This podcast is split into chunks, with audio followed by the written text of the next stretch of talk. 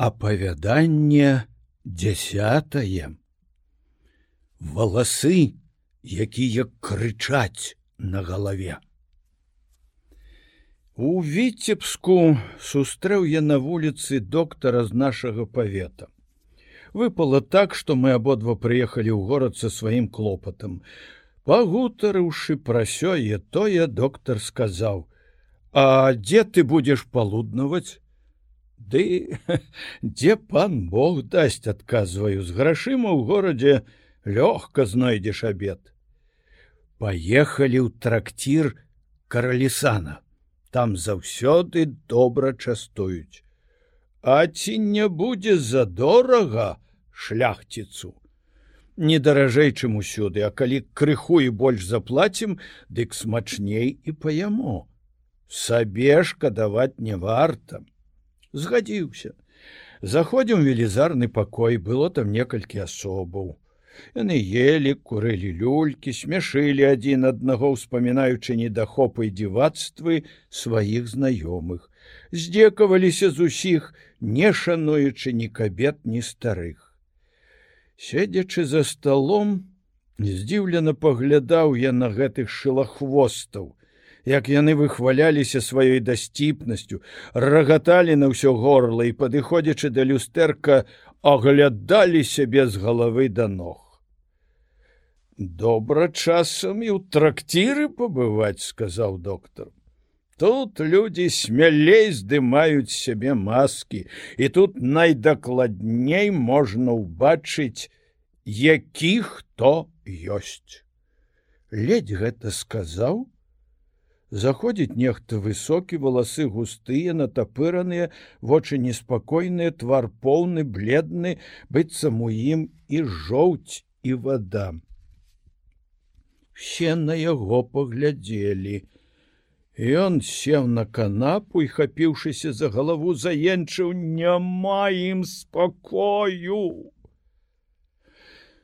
Пасля попрасіў падаць яму шклянку рому палову выпіў і быццам задуманы сядзеў колькі хвілін моўчкі. Потым падняўся і агледзеў сябе ў люстэрку. Ой кажа паклаўшы руку на голову цяпер а о прынамсі не варушацца. Змоўклі на нейкі час Усе са здзіўленнем глядзелі на яго, а мой таварыш сказаў: « Ты, як бачу, нездаровы, мусіць, пакутаеш ад болю галавы. Не думаю, каб ром мог дапамагчы, яшчэ больш нашкодзіць. Я не прасіў цябе рады. Я доктар, это мой абавязак. Доктор, маіх пакут не ведаеш скажи мне лепей якая смерть лягчэйшая бо я не маючы надзею ачуняць мушу памерці. Моя навука мае на мэце падаўжаць чалавечае жыццё а не паказваць шляхі да смерти смерть сама да нас прыйдзе. Смерть сама да нас прыйдзе это правда але хто про гэта не ведае так гэтую праўду ўсе ведаюць ды не ўсе пра яе думаюць. Тыя каму жыццё любае а хто так як я пакутуе таму няма чаго на свеце шкадаваць. Аднак якая ж у тебе хвароба? Валасы. Валасы. Атруцілі маё жыццё калі ён гэта казаў дык з таго боку дзе сядзела вясёлая кампанія засмяяліся і пачуліся галасы. О бо былі гэта валасы з прыгожае касы! Не трэба было адрэзваць у іх сімпатыя а без іх пачуць рвуцца. Надакучылі ему валасы адразаў ножніцамі а яны ад месяцавага святла ажылі. Прыгожа валасы спявалі, ды не ўмеў іх шанаваць. глядзіце глядзіце вунь яму на галаву сонца лягло і валасы варушацца як жывыя Пачуўшы гэтыя жарты небарак азірнуў гнеўна на бяседніка, усхапіўся моўчкі з месца і пачаў шпарка хадзіць па пакоі. Тыя панічыўся разам узялі свае шапкі і, выходзячы, адзін з іх кажа: « Бывай здаровы, пане Генрик, Пі больш рому, і ўсё добра будзе. О, да чаго дажыўся, сказаў Генрик, павярнуўшыся да доктара стаў у нечулых людзей пасмешышчам смяюцца з чужога няшчасця дзе толькі іх не сустрэну здзекуюцца з балючых выпадкаў майго мінулага каб павялічыць мае пакуты. Надта далікатныя ў цябе нервы сказаў доктар. Калі абураешся на людзей легкадумных то Я седзячы тут ды слухаючы, як зухавата не шкадавалі яны з'едлівых ды зневажальных слоў для ўсіх сваіх знаёмых у горадзе, добра зразумеў, што гэта за людзі. Калісьці я быў зусім іншы, абыякова слухаў і смех і енк, нішто не кранала мяне, валасы, валасы парушылі ўсю маю натуру. Ён змоўк, нібыта прыслухоўваўся да нечага і раптам паказваючы на свае валасы сказаў: Вось адзін заспяваў а іншыя заварушыліся хутка закрычаць усе разам. Вы не бачыце што робіцца на маёй галаве? Тут ён схапіў шклянку каб выпіць рэшткі рому. Послухай мяне прамовіў доктор попроси принесці вады і цукру. Змяшай іх з ромам. Прынамсі будем менш шкоды да я раю бы табе зусім адмовіцца ад таких лекаў Янрык узяў шклянку стаў перад люстэркам памацаў рукою валасы сцепануў плячыма пасля павярнуўся да доктара паглядзеў на яго неспакойна і кажа адмоўлюся калі вы найдзеш лепшыя лекі а першую параду прымаю і попрасіўшы падаць вады выпіў шклянку пуншу. Расскажы мне пра сваё жыццё калі б я ведаў прычыну тваіх пакутаў мо прыдумаў бы чым табе дапамагчы можа ведаеш як вярнуць мінулае мінулае вучыць нас як жыць сёння. Моя хвароба новая а не простыя людзі інстынктыўна ані медыкі навукова не знайшлі зёла каб яе вылекаваць Аднак бачу што ты шчыра хочаш каб я чуняў дык раскажу пра тое што выпала мне перажыць Адзін я быў у бацькоў. У дзяцінстве не зазнаў, каб мне ў чым-небудзь адмовілі. Лёка і кожнага слова майго слухаліся. Хатні настаўнік выкладаў французскую мову такім чынам, каб я, займаючыся адну гадзіну, не ведаў аніякае прыкрасці і не затлуміў у сабе вясёлых думак, якія цэняць у свеце больш за адукаванасць. У 15 гадоў бацька завёз мяне на один год у рыгу, каб я там вывучаў нямецкую французскую мовы у лепшых настаўнікаў, ды каб пабачыў і даведаўся ўсё тое, што спатрэбіцца мне сярод людзей, пра якіх ідзе слава ў свецкіх салонах. Грошай бацька пакінуў больш, чым вымагалі мае патрэбы, і я збіраў там толькі кветкі вясёлага жыцця. Ніхто мне не нагадваў, што ўсё незваротна мінецца. Чалавечае здароўе слабое і зменлівае, а весялой шчаслівых гадоў нагадвае мроі. Калі вярнуўся з горада дадому, ад раніцы да вечара бавіў час на ловах. Мой бацька не шкадаваў сродкаў на паляўнічых, хартовых ганчакоў. Мне было дазволена трымаць столькі лёкаяў, колькі захачу. Былі ў мяне добрыя коні, выпісваў модныя кареты. Праз некалькі гадоў мяне выбралі ад шляхты на пасаду ў нашым павеце. У горадзе знайшоў шмат прыяцеляў часто ладзіў сваім доме вясёлыя забавы, сустракаючы з гасцямі ўзыход сонца пры віне або за картамі. Прайшло чатыры гады. Бацькі мае пакінулі гэты свет, і я вярнуўся дадому з намерам заняцца гаспадаркаю.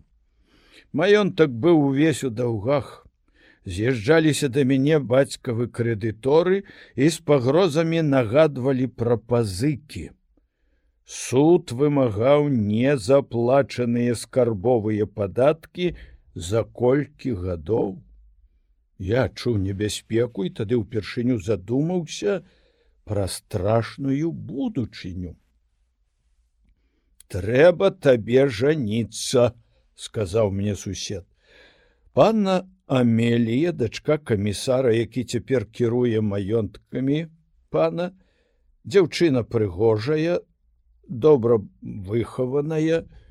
Ну, да таго ж я чуў, што мае ў пасах больш за 10 тысяч срэбных рублёў. Бацька я на запасіў ніштаваты капітал, займаючы пасаду камісара і упаўнаважанага, а што не ў сваяцтве, з тутэйшымі яснавяльможнымі панамі, якія робяць, што хочуць падчас выбараў мясцовых чыноўнікаў. Ты гэта ты на гэта не зважай. У тваім становішчы трэба грошы, а не фамільныя сувязі, якія, на маю думку, табе не прыдадуцца. Бачу парада майго суседа слушная.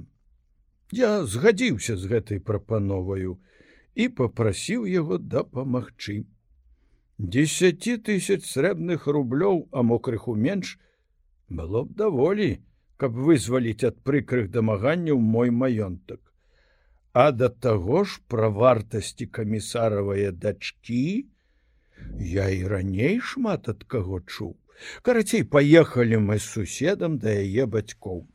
Сустрэўшы першы раз амелію, сапраўды убачыў яе цудоўныя вартасці стройны стан мастак мог бы напісаць з яе найпрыгажэйшы абраз твар сведчыць пра лагодны характар у блакітных вачах ціхая меланхолія і нейкія чароўныя мроі размаўляючы з ёю пра будучыню і пра зменлівае шчасце гэтага свету даведаўся. Выхавалі яе так, што пакорліва верыла ў прачуванні і у неразгаданыя таямніцы прыроды. Мой сусед адкрыта распавёў яе маці і бацьку пра ўсе патрэбы майго маёнтка. Згадзіліся і бацькі і дачка. Пасля вяселля я быў найшчаслівейшы з людзей. Прывёз жонку дадому і заплаціў все пазыкі. Эх, чаму я не даваў веры прачуванням. Доктар, ці згодзіся з тым, што чулая чалавечая душа, чуе у ціхім голасе анёла, перасцярогу нашмат лепей, чым навукаю і вопытам набытая мудрасць. Заўважаў гэта і я, сказаў доктар, але такі інстынкт бывае не ва ўсіх людзей. Чаму ж я не хацеў верыць сэрцу чулая амеліі, А што здарылася і чым гэта ўсё скончылася? Тры гады мы былі шчаслівыя абое, хоць розніца асобных нашых думак і ўяўленняў і нараджала часам спрэчкі, аднак заўсёды ўсё сканчалася спакойна. Калі Амелія бачыла маю упартасць, хутка знаходзіла іншую тэму, абы толькі ўнікнуць нязгоды. Аднойчы ўвесну у пагодны вечар мы выйшлі на праходку да блізкага лесу. Вакол чуваць былі птушыныя спевы, Амелія па дарозе часта замаўкала і нібыта аддавалася нейкім сумным марам. Бачу, сказаў я, што нейкае прачуванне шэпча табе на вуха, бо перапыняеш размову і акунаешся ў сумныя думкі. Сапраўды напаў на мяне нейкі смутак не ведаю чаму. Спевы салаўёў і зязюль дзейнічаюць на твае нервы. Можа і так адказала яна у гэты час бачу я як злева ідучы праз лес вузенькай сцежкаю набліжаецца да нас нейкі згорблены старац у чорнай вопратцы. Твар бледны, ясныя вочы свяціліся з-пад густых броваў, за плячыма вісеў накрыты старою чорнаю світкаю кош. Цікава было даведацца. Хто гэты дзіўны чалавек і адкуль ідзе? Параўняўшыся з ім, я спытаўся: « Хто ты деду? І адкуль ідзеш? Ён, здымаючы з галавы стары пакамечаны капелюш і нізка кланяючыся, сказаў: « Жыву на цэлым свеце, шукаю ласкавых да мяне дабрадзеяў і заўсёды змагаюся з забабонамі і людскімі прыдумкамі. Гэты ягоны адказ абудзіў жаданне да далейшай размовы. Як жа кажу пачалася тая вайна з забабонамі і людскімі прыдумкамі? Бо яны не зразумелі ні мяне ні свае выгады. Я абышоў цэлы свет ведаю ўсе чалавечыя патрэбы дазнаўся пра самыя пакрыёмыя таямніцы прыроды хацеў прынесці палёгку жыхарам гэтага неўраджайнага і убогага краю. Але яны замест узнагароды засыпалі мяне праклёнамі, нідзе не даючы мне спакойнага прытулку. Што ўсё ж такі чыніў ты жыхарам нашай зямлі. Хацеў зрабіць добро, але за дабрыню сваю двойчы мусіў ратавацца ўцёкамі не магу забыць хоць ужо прайшло больш за 20 гадоў. Вынайшаў я спосаб рабіць золата. Хацеў яго ўдасканаліць і адкрыць тутэйшым жыхарам. Один пан багаты чалавек мег ну меў непоалёк ад полацка маёнтак і дом у горадзе дзе сам жыў і мне адвёў маленькі пакойчык дзеля заняткаў і ўдасканальня мае навукі Вось там са мною здарыўся жудасны выпадак. Выходзячы, я пакінуў незамкнёныя дзверы, а на стале ляжалі ў паперках белыя парашкі, патрэбныя мне ў маёй навуцы. Жонка пана зайшла ў мой пакойчык, взяла одну паперку з парашком, думаючы, што гэта лекі. Пакутаючы ад болю галавы, Яна загадала падаць шклянку вады, усыпала туды парашок, выпіла і ў момант памерла.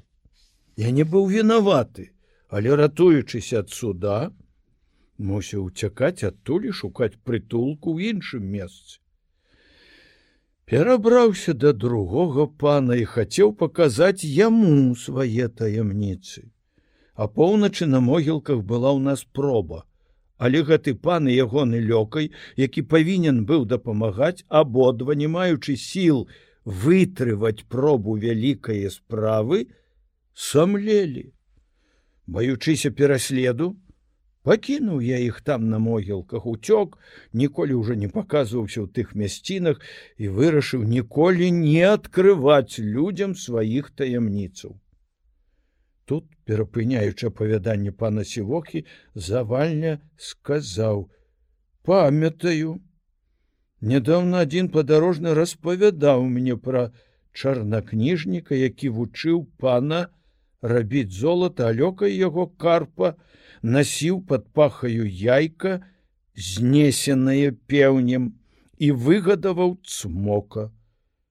Чарнакніжнік відаць той самы. Дык калі ласка апавядай далей, слухаем з цікавасцю. Генрык, заўважыўшы, што мы з доктарам уважліва слухаем гісторыю ягонага жыцця, не зважаючы на тракцірную прыслугу, што стоячы паблізу смяялася і пра нешта гаманіла, не ўставаў з месца і казаў далей: « А што там у цябе ў кашы пад сярмягаю? — запытаўся я. Трусоў, адказвае несу з сабою калі які дабрадзей дазволіць мне заняць дзе-небудзь самотны дом, дык э, буду іх там гадаваць. Яны хутка расплодзяцца і у мяне будзе чым харчавацца ў маім убогім стане. Адкрый кош, Пакажы нам сваіх трусоў. Ледзь адкрыў кош, як амелія адступіла назад і закрычала ад спалох ай ой якія жахлівыя кажаны! Схавай схавай іх хутчэй! Глядзець не магу на гэтых пачвараў! Я глянуў на яе са здзіўленнем. Бо сапраўды бачыў маладых чорных трусоў. І старац хутка зірнуўшы на яе сказаў прыгледзьцеся пані лепей это маладыя чорныя трусы адно што яшчэ малыя. І ўзяўшы аднаго з іх за вушы падняў скаша ах а які страшны кажан! Злітуйся не паказвай! Схавай яго ў кош! Не хачу і не магу глядзець на гэтую брыдоту думаючы што прычына гэтага недарэчнага страху нейкі дзіўны капрысы ў партасць амеліі я загадаў старцу капішоў і пераначаваў фальварку. А раніцаю яму будзе дом. Ён пакланіўся і пайшоў проста ў маёнтак. З праходкі мы вярталіся дадому моўчкі. Амелія была надзвычай усхваляваная, бледная, са слязьмі на вачах. Я глядзеў на яе са здзіўленнем і думаў, чаму яна пярэчыла такой відавочнай праўдзе. Я ж на свае вочы бачыў маладых трусоў. Нарэшце, парушыўшы маўчанне, сказаў: « Дык што Амелія? І цяпер яшчэ будзеш даводзіць, што той старац нёс у кашы кажаном? Дзіўны капрыз прыйшоў табе ў галаву. Здзекавацца са старога чалавека. Абвінавачваючы яго хлусні. Не хацела я кажа вінаваціць яго. Але хіба ж не даваць веры сваім вачам Прыкра мне, што ты засмуціла беднага старца, бо заўважыў па яго гаворцы, што гэты чалавек надзелены ад прыроды розумам і адукаваны, шкада толькі што нешчаслівы. Пагляты твар страшныя. Навошта было яго спыняць, Няхай бы ішоў далей. Дзівяць мяне твае сённяшнія нечаканыя ўчынкі. Затрымаў я гэтага чалавека не на кароткі час. Дам прытулак беднаму і будзе жыць у маім маёнтку колькі захоча. Амелія і слова на гэта не сказала. Скончылася наша спрэчка, і мы абое моўчкі вярнуліся да хаты. Непадалёку ад маёнтка ля рэчкі стаяла ў яловым лесе самотная хаціна яшчэ пры маім бацьку жыў там са сваёй сям'ёй селянін, якога я пазней перасяліў бліжэйшую вёску, а поле, якое ён урабляў, далучыў да свае зямлі. Наступнага дня я прачнуўся рана, прывёў старцаў тую хаціну, каб меў там прытулак на схіле сваіх гадоў. Ён падзякаваў мне і выпусціў з каша сваіх трусоў пасярод хаты.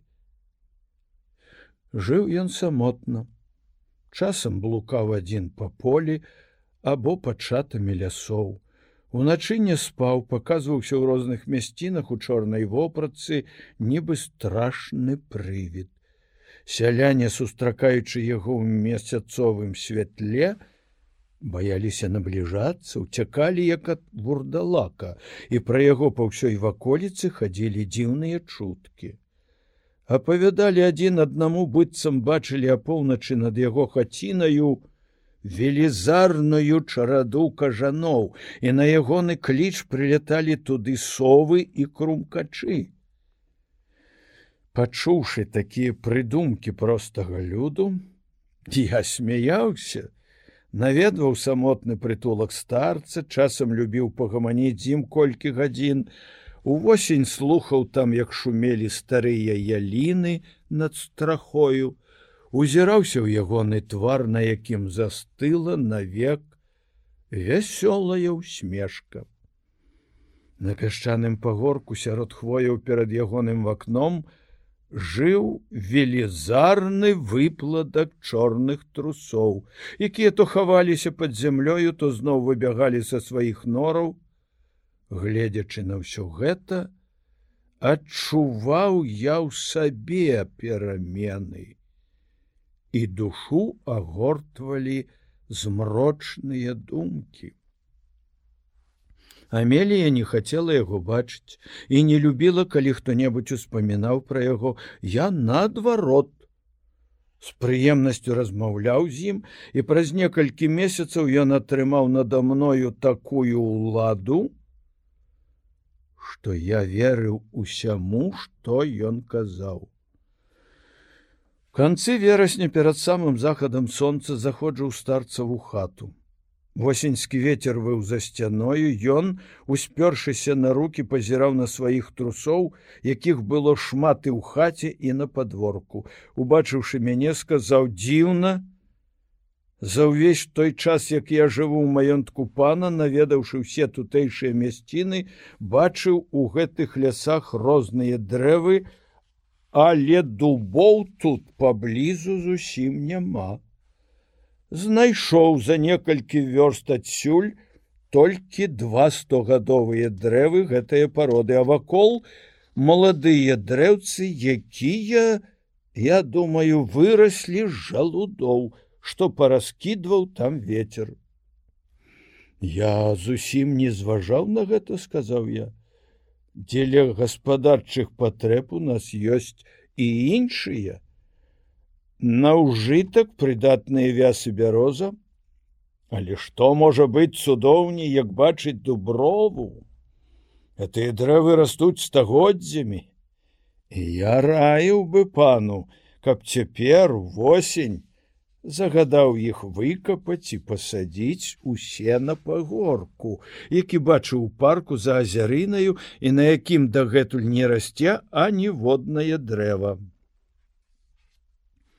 Шмат гадоў трэба чакаць, пакуль яны вырастуць вялікія, і, пэўна, я не пабачу на тым пагорку разлогіх і высокіх дубоў бо чалавечае жыццё надзвычай кароткае. Ён зірнуў на мяне сурова, так што дрыжыкі прабеглі па целе, як бы здзекуючыся паўтарыў мае словы: чалавечае жыццё надзвычай кароткае. Навошта думаць пра гэта? Пан яшчэ малады, мае добрае здароўе, адоў сто жыць мне на гэтай зямлі і ў засені тых дубоў весяліцца з прыяцелямі. Пакінь сумнявацца, ты чалавек і ўсё павінна служыць табе. Я паслухаў яго рады Назаўтра загадаў садоўніку ісці да старца, што жыве каля рэчкі побач з яловым лесам, каб той паказаў маладыя дубкі, якія трэба перанесці ў парк і пасадзіць на пагорку. Садоўнік, пачуўшы мой загад перапалохаўся, змяніўся з твару і сказаў не сваім голасам: « Адкуль тое пану? Дуб не цвіце і з пладоў яго няма аніякай карысці. Дзеля аздобы парку лепей пасадзіць на пагорку ліпы. Парады твае не прашу, сказаў я. Слухай, што табе загадваю і выконвай. Ад старых людзей я чуў, што той, хто сее жалуды ці садзіць дуб і года не пражыве. Калі яшчэ раз, кажу пачую гэтую лухту дык загадаю сыпаць табе 500 розу ідзі рабі тое что загадана. Садоўнік баючыся далей пярэчыць мне выйшаў засмучаны і шукаў выпадку каб прасіць маю жонку. Ці не здолела б яна ўгаварыць мяне адмовіцца ад таго намеры Увечары, калі я на нейкі час пакінуў дом, ён сам не свой зайшоў пакой да Амеліі, са слязьмі на вачах укленчу перад ёю і ўсё расказаў. Калі я вярнуўся, Амелія сустрэла мяне з усмешкаю. Генрык, чаму ты вырашыў пасадзіць у парку дубы? Я не бачыў гэтым ні патрэбы, ні аздобы таксама бедны садоўнік прыйшоў да мяне страшэнна засмучаны кажучы што перасаджваць дубы найвялікае няшчасце бо гэтае дрэва забірае сілы і скарачае жыццё таму хто яго вырошчвае. Ведаю што забабоны ад невуцтва але ці ж маем мы права жорстка абыходзіцца з людзьмі за тое што яны цёмныя бо не адукаваныя трэба ўжываць больш лагодныя спосабы каб адвучыць іх ад дурных забабонаў бо чыніць несправядлівасць сваім бліжнім вялікі грэх. Як бачу сказаў я гневна глянуўшы на яе і ты падобная на садоўніка падахвоцілася глупствы бараніць. Але марнае будзе твоё заступніцтва Пэўна, той жахлівы старац даў табе гэтую раду. Дык даручы яму самому садоўнікава месца, і няхай усё тое зробіць сам, бо нічога ж не робіць днямі адно блукае па полі і лесе. Людзі мае, як хачу, так і будзе. Калі я гэта сказаў, з вачэй амеліі паліліся слёзы, і яна адразу выйшла ў другі пакой. Садоўнік, пабачыўшы, што яго надзеі не спраўдзіліся, прывёз з лесу маладых дубкоў і пасадзіў на прызначаным месцы. Пасля гэтага ўвесь час быў маркотным. Дарэмна ўсе даводзілі, што дубы не маюць аніякага ўплыву на чалавечае здароўе. Аднак ён сох. Сілы яго пакінулі, і наступныя вясны, як толькі тыя дрэўцы зазелянелі, садоўнік сканаў. Пасля ягонай смерці, калі я апавядаў старцу пра наіўнасць таго чалавека пра забабоны і пра слабасць яго характару ён зірнуў на мяне зморшчыўся як бы выяўляючы сваю пагарду і сказаў той добра не варта шкадаваць. Маючы безліч дурняў страціў толькі аднаго другое злачынства гэтага старца парушыла яшчэ больш згоду і мір паміж мною і жонкаю. Меўся я пабудаваць новы драўляны дом, ды крыху не хапала цэглы на падмурак. Каб э, папоўніць недастачу, выйшаў я ў поле і, ходзячы там, выбіраў добрае месца на цагельню. Старац, спаткаўшыся са мною, сказаў, паказваючы на могілкі на старую каплічку, якая стаяла на відавоку блізка ад маёнтка. На якім неадпаведным месцы зрабіў нехта гэтыя могілкі. З панскага вакна заўсёды відаць драўляныя крыжы і каплічка. Во ўжо дзе прыкры краявід. Наведваюць пана суседзі, сярод іх шмат маладых ды вясёлых, а гэтыя крыжы і каплічка ўсё перад вачыма кожнага могуць давесці да маркотных думак і меланхоліі. Раю бы пану прызначыць сялянам месца пад могілкі дзе-небудзь далёка за лесам, каб не так часта чалавечае вока іх бачыла. Цэглу з капліцы можна пусціць на падмурак, на гэтым жа месцы пасеяць авёс, каб і знаку не было, што тут гніюць нечыя косткі. Я пахваліў добры старцаў густ і яго здольнасцю вызначэнні характару чалавека і таямніц прыроды загадаў, каб як мага хутчэй знеслі драўляныя крыжы, сабралі над магільныя камяні ў крушню, зруйнаваўшы капліцу, звезлі цэглу ў маёнтак. Дарэмна мае падданыя, сабраўшыся з усіх вёсак, прасілі, каб я не нішчыў святыні і не кранаў таго месца, дзе спачываюць астанкі іх бацькоў і сваякоў. Дарэмна натурыўся ксёнз плябан, стараючыся давесці, што я бяру на сваю душу вялікі грэх. Дарэмна старэйшыя суседзі ў вочы папракалі мяне, што адступаю ад дзедаўскіх звычаяў. Нарэшце Амелія, убачыўшы, што ўсе просьбы і напаміны марныя, моцна засмуцілася і сказала: « Генрык, Аднак жа пры жыцці бацькі і деда твайго. Гэтая каплічка і могільнік былі на гэтым самым месцы. Бацьку і деду гэтыя крыжы і магілы не заміналі і не наводзілі жахлівых думак. Не раз яны там, калі ўзыходзіла ці заходзіла сонца, укленчыўшы старанна маліліся за сваіх памерлых сялян. Такі звычай усюды ў нашым краі. Могілкі на відавоку або блізка дарогі, каб людзі, сустракаючы вокам крыжы і магілы, тварылі малітвы за душы нябожчыкаў.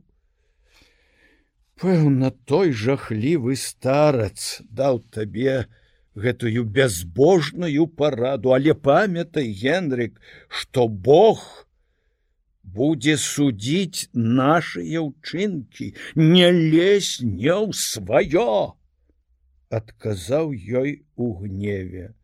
Я ведаю, што раблю старац якога ты называешь жахлівым смяецца з вашае дурноты. Занадта вы клапоціцеся пра тых каго ўжо даўно няма на гэтым свеце. І гэтак настаяў на сваім. Праз два дні і следу не засталося ад могілак а цэглу з капліцы паклалі ў падмурак новага дома, у які праз пару месяцаў я перасяліўся. З гэтага часу пачаў заўважаць, што Амелія яшчэ больш перамянілася. Яе вочы і твар заўсёды былі асмужаныя смуткам. Казала, што бачыла прывіды у гэтым новым доме мроіліся ёй страшныя сны, а поўначы чула часам нейкія стогны. Паколькі гадзін раніцай увечары яна малілася, укленчыўшы, і так змянілася з твару, што знаёмыя ледзь пазнавалі яе цяпер, хоць прайшло ўсяго некалькі тыдняў. Калі я распавядаў старцу пра жончыны пакуты, ён зірнуў на мяне і кажа, ківаючы галавою: « Як пане, Ах, як пане, яшчэ мала ты ведаеш, што такое кабета. Это адны толькі злосць ды упартасць, бо не можа яна камандаваць мужиком, і рабіць паводле свае волі. Паведаміў бы пану адзін сакрэт, але няхай ён лепей застанецца вечнаю таямніцаю мае душы, бо скажуць, што я вінаваты у ваших нязгодах. Злітуйся, скажы, бо каго ж гэта можа датычыць болей за мужа. Шмат за што ўдзячны пану. Зрабіў ён дабрадзейства, даўшы гэты прытулак старцу, які прайшоў жахлівымі пуцявінамі жыцця праз усе выпрабаванні, навучыўся холодным сэрцам глядзець і заўважаць усе таямніцы людскіх думак і ўчынкаў. Адкрыю пану гэты сакрэт, які ведаю ўжо некалькі месяцаў, нікому пра яго не кажучы, у твае жонкі жывыя валасы на галаве. Не чуў яшчэ ніколі пра такія цуды, не разумею, што ўсё гэта значыць.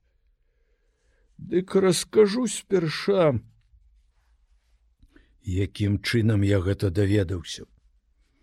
Памятаю, з'ехаліся раз госці ў маёнтак. Дзень быў ціхі і ясны выйшлі ўсе тады з дому і цешачыся добрым надвор'ем гулялі ў полі. З панам ішлі два пажылыя мужчыны. І былі вы вельмі занятыя нейкай размоваю, а панава жонка ішла наперадзе у атачэнні моладзі, што гамонячы часта пазірала на яе касу. Калі падышлі да гаю я, схаваўшыся за дрэвам, таксама зацікавіўся, чаму гэта яны так пільна глядзяць на яе касу. Маё вока зоркае, я заўважыў, што на сонцы валасы ў панавай жонкі рухаліся ў касе і па ўсёй галаве. О! Гэту рэч мусіш пане мець на ўвазе бо ёсць дзівы і чары на свеце. Моладзь заглядваецца, не разумеючы, якою сілаю запалілася пачуццё ў іхніх сэрцах. Хіба можа гэта быць? спытаўся я. Несумненна, раскажу пану, якім чынам можна ў гэтым пераканацца. Это не ўсё, што ў яе жывыя валасы ёсць яшчэ адзін валасок. Які пасля захаду сонца калі змрока хутае зямлю крычыць цэлую ноч аж да белага дня і таму яна можа заснуць толькі на кароткі час часта прачынаецца вечарамі стогне і плача. Калі пойдзе в асобны пакой дзе мае звычку кленчыўшы маліцца ціха патыці і стаўшы каля яе прыслухайся добра а яшчэ лепей паслухай зблізку начной цішы як той волас спявае найгаласней я быў невыказна здзіўлены і неспакойны вырашыў не спаць всю ноч, абы толькі даведацца праўды. Увечары, калі Амелія, запаліўшы свечку, пайшла ў асобны маленькі пакой памаліцца, я падкраўся на пальчыках да прачыненых дзвярэй, прыслухаўся і пачуў піск такі тонкі, нібы камар гудучы лётае ля скроні і шукае дзе б утнуць. Слухаў некалькі хвілін не сыходзячы з месца. І гэт таксама ціха зноў адышоў не чакаючы пакуль яна дагаворыць свае пацеры. Пасля паўночы не клаўся спаць а в асобным пакоі за столом сам насам раскладваў карты быццам варажбою хацеў вызнаць ці спраўдзяцца размаітыя мае жаданні і намеры. Калі ўсе заснулі ўсюды зрабілася ціха я патушыў свечку заходжу ў спальню як начны страх. В окно там на палову было зачынена амелія стогнучы ў сне ляжала ў ложку каля ног яе падаючы праз квадрат шыбіны адбілася месяцавае святло, а ў галовах пачуў нібыта піск мухі, што трапіла ў павуціну. Дрыжыкі прабеглі по маім целе, падумаў сам сабе: Вось цяпер дазнаўся праўды. І цэлую ночы на хвіліну не заплюшчыў вочы. Назаўтра раніцы я прыйшоў да старца і ўсё распавёў яму. Верыш цяпер, пане? Я казаў праўду, прамовіў старац, Але гэта яшчэ не ўсё.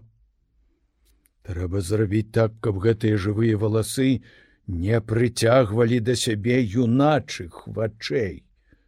Загадай, пане сваёй жонцы адрэзаць касу і ўначы пакуль певень праспявае прынясі яе да мяне а я паруплюся каб ты яшчэ раз пабачыў цуды на свае вочы не ведала амелія і нават не падазравала пра нашу умову і пра жахлівыя мае намеры. Сустрэўшы мяне сказала спакойным голасам что с табою генрык Здаецца, у гэтую ноч бяссоння цябе мучыла.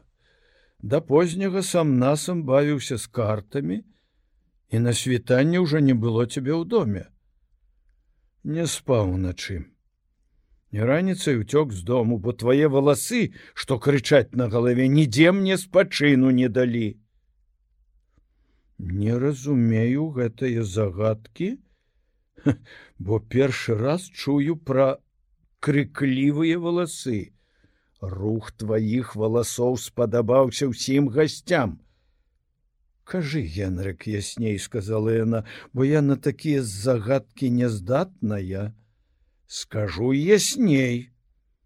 Хачу, каб ты абрэзала валасы. Замужняй кабеце прыстойней быць з пакрытаю галавою. Дзіўны капрыз, убіўся табе ў галаву. Можа і дзіўна але справядлівы сказаў я. Не хачу каб ты ганарылася цудоўнаю касою якая чарадзейскаю сілаю прыцягвае да сябе все вочы. Дык будь ласкавая калі хочаш каб я быў спакойны загадай абрэзаць сабе валасы. Разумею цяпер сказала амелія ўсё дзеля твайго спакою паклікала прыслугу, загадала, каб тая адрэзала ёй касу і, заліўшыся слязьмі, выйшла ў іншы пакой. Каля поўначы, маючы з сабою касу амеліі, я пайшоў да самотнае хаціны старцам. Ён не спаў. Бачыў, што ў акне свяціўся агонь.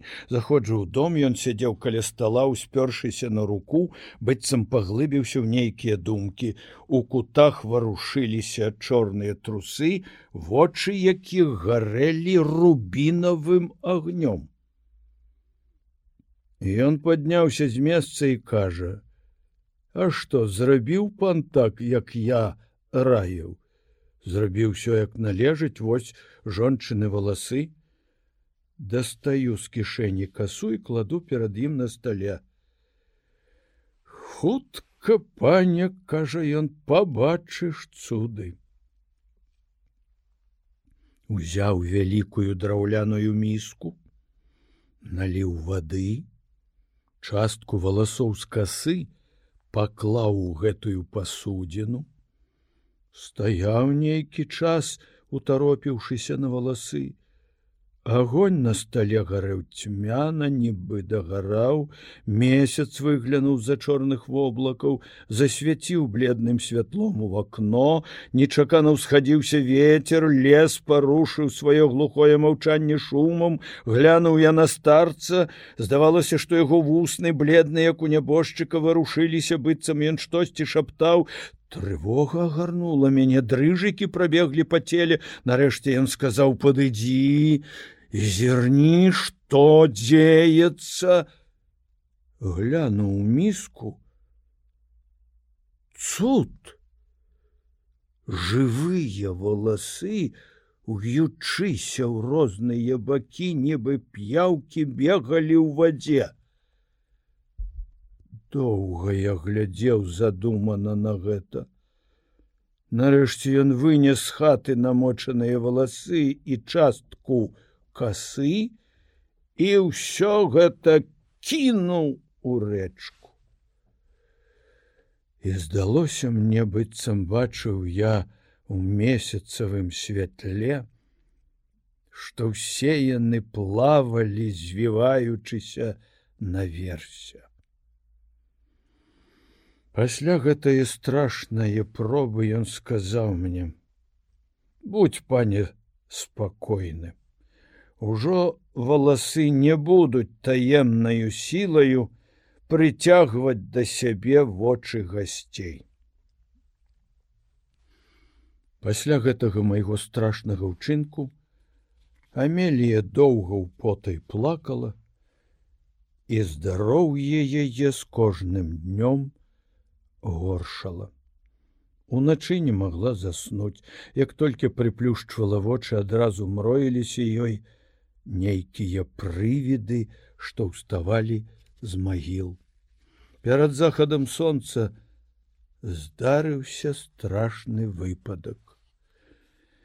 Амелія сядзела адна ў парку, але калі пачаў насоўвацца вечаровы змрок, упала роса на травы, паветра стало холодное и вільготнае, вярнулася ў свой покой.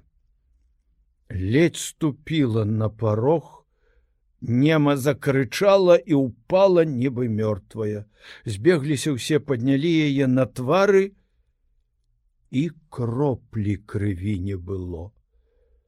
Паклалі на ложак і з цяжкасцю змаглі вярнуць ёй дыханне. Як апрытомніла, расказала, што ўбачыла тады перад сабою таго чорнага старца у жахлівым абліччы.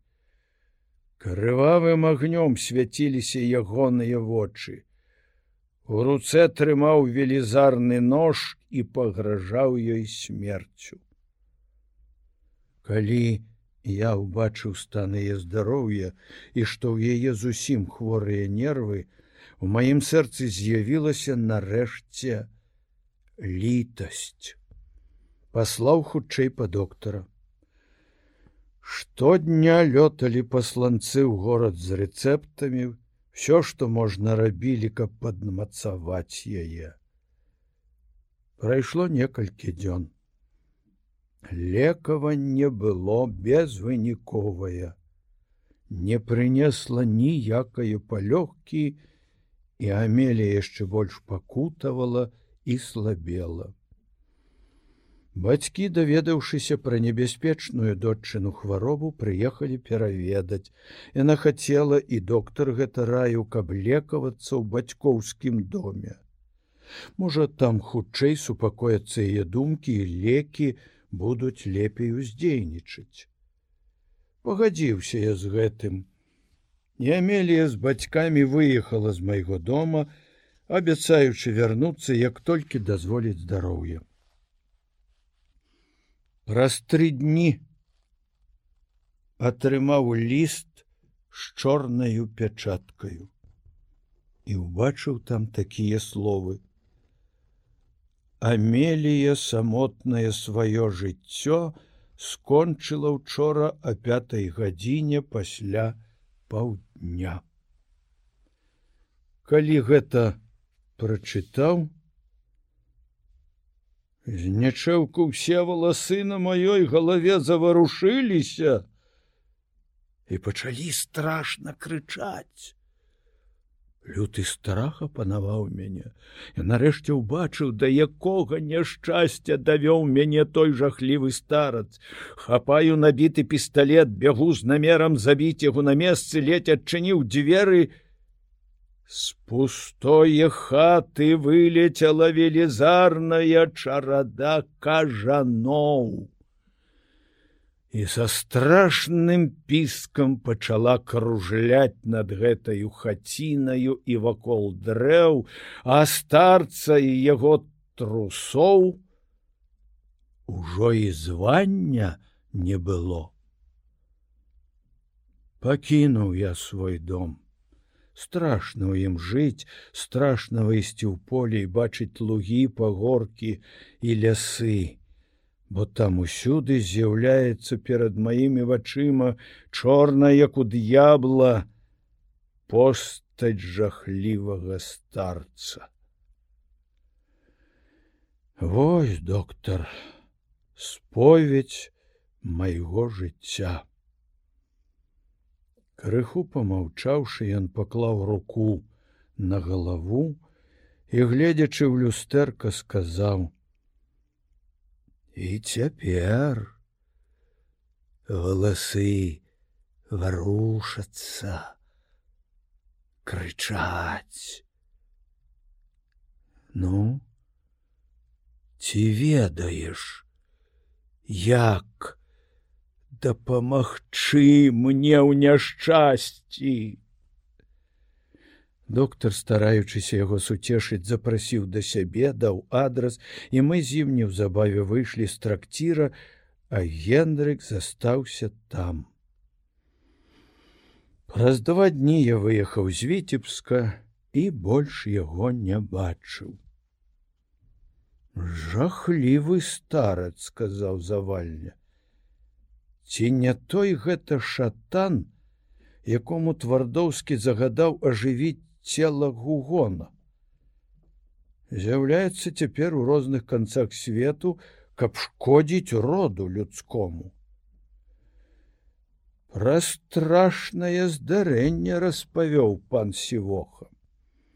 У ну, мяне няма такой добрай памяці, заўважыў латышевіч. Шмат чуў розных аповедаў, але што сёння пачую? Тое заўтра забуду